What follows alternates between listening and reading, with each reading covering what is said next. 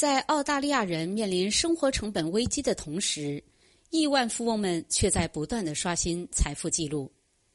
来自乐视会的不平等报告显示，在过去两年里，澳大利亚四十七名亿万富翁的收入翻了一番，达到了二点五五亿澳元。这四十七人手中的财富超过了约七百七十万澳大利亚人的财富。澳大利亚乐视会项目总监罗德·古德本解释了报告的重要发现。他说：“自二零二零年以来，澳大利亚最富有的三个人的财富翻了不止一番。他们以每小时一百五十澳元的惊人速度增长，而与此同时，全球数十亿人的生活却非常的艰难。”我们知道，我们澳大利亚的生活成本危机，在这些百万富翁和亿万富翁不断积累巨额财富的同时，世界上还有许多人的生活正在倒退。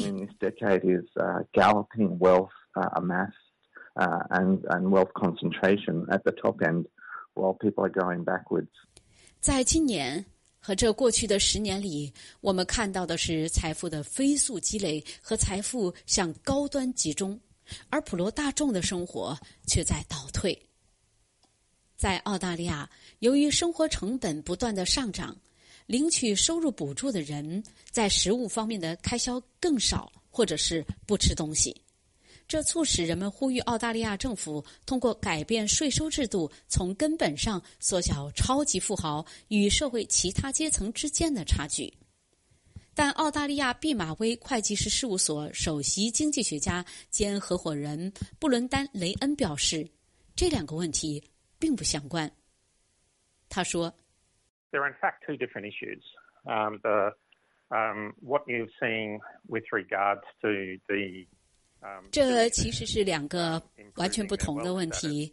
你所看到的亿万富翁财富状况的改善，主要是因为他们投资的企业在过去的几年里以令人难以置信的速度在增长。生活成本危机，那就是完全不同。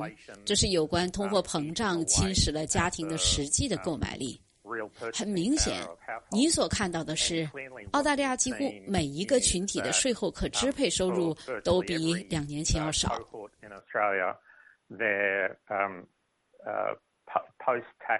Disposable income is less today than it was two years ago 即便如此，税收制度仍将发生变化。澳大利亚政府希望在七月一日实施第三阶段税制。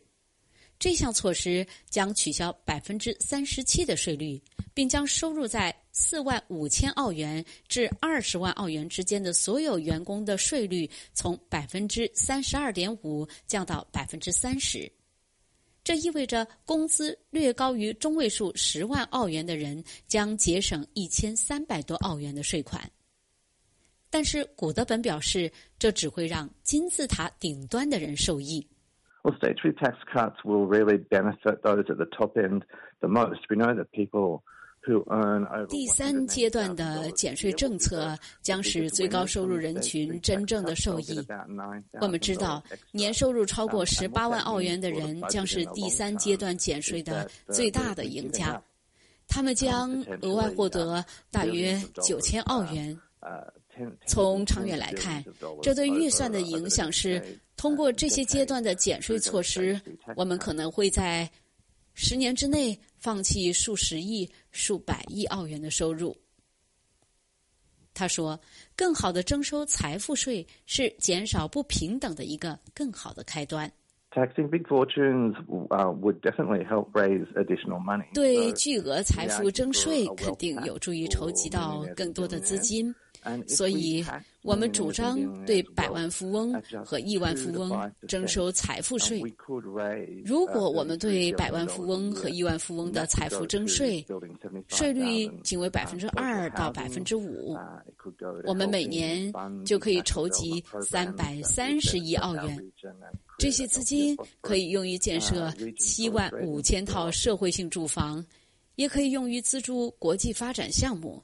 从而来造福我们的地区，为澳大利亚人打造一个健康繁荣的成长环境。古德本提出的其他一些建议还包括停止化石燃料补贴和对大公司征收永久性暴利税。尽管如此，总理阿尔巴尼斯还是在接受澳广 ABC 采访时说，他无意重新考虑第三阶段的减税政策。他说。I'll make a few points. The first is that the government's position hasn't changed. The second is 我想谈几点。第一，政府的立场没有改变。第二，不平等是一个问题，政府一直在研究如何改善这个状况。这就是为什么要采取加强医疗保险等措施，以及我们为降低儿童保育费用而采取的措施。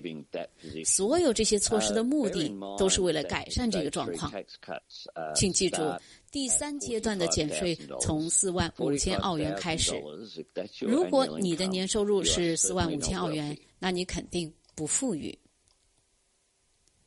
尽管如此，澳大利亚社会服务委员会表示，在澳大利亚财富排名前百分之二十的人几乎拥有三分之二的财富。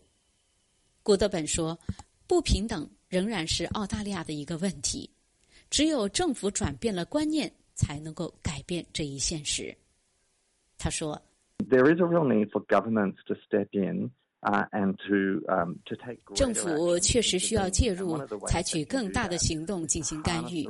其中一个办法就是利用资源、财富和资金，将其直接用于消除贫困的计划，帮助解决健康和教育问题。所以，只有政府才能够做到这一点。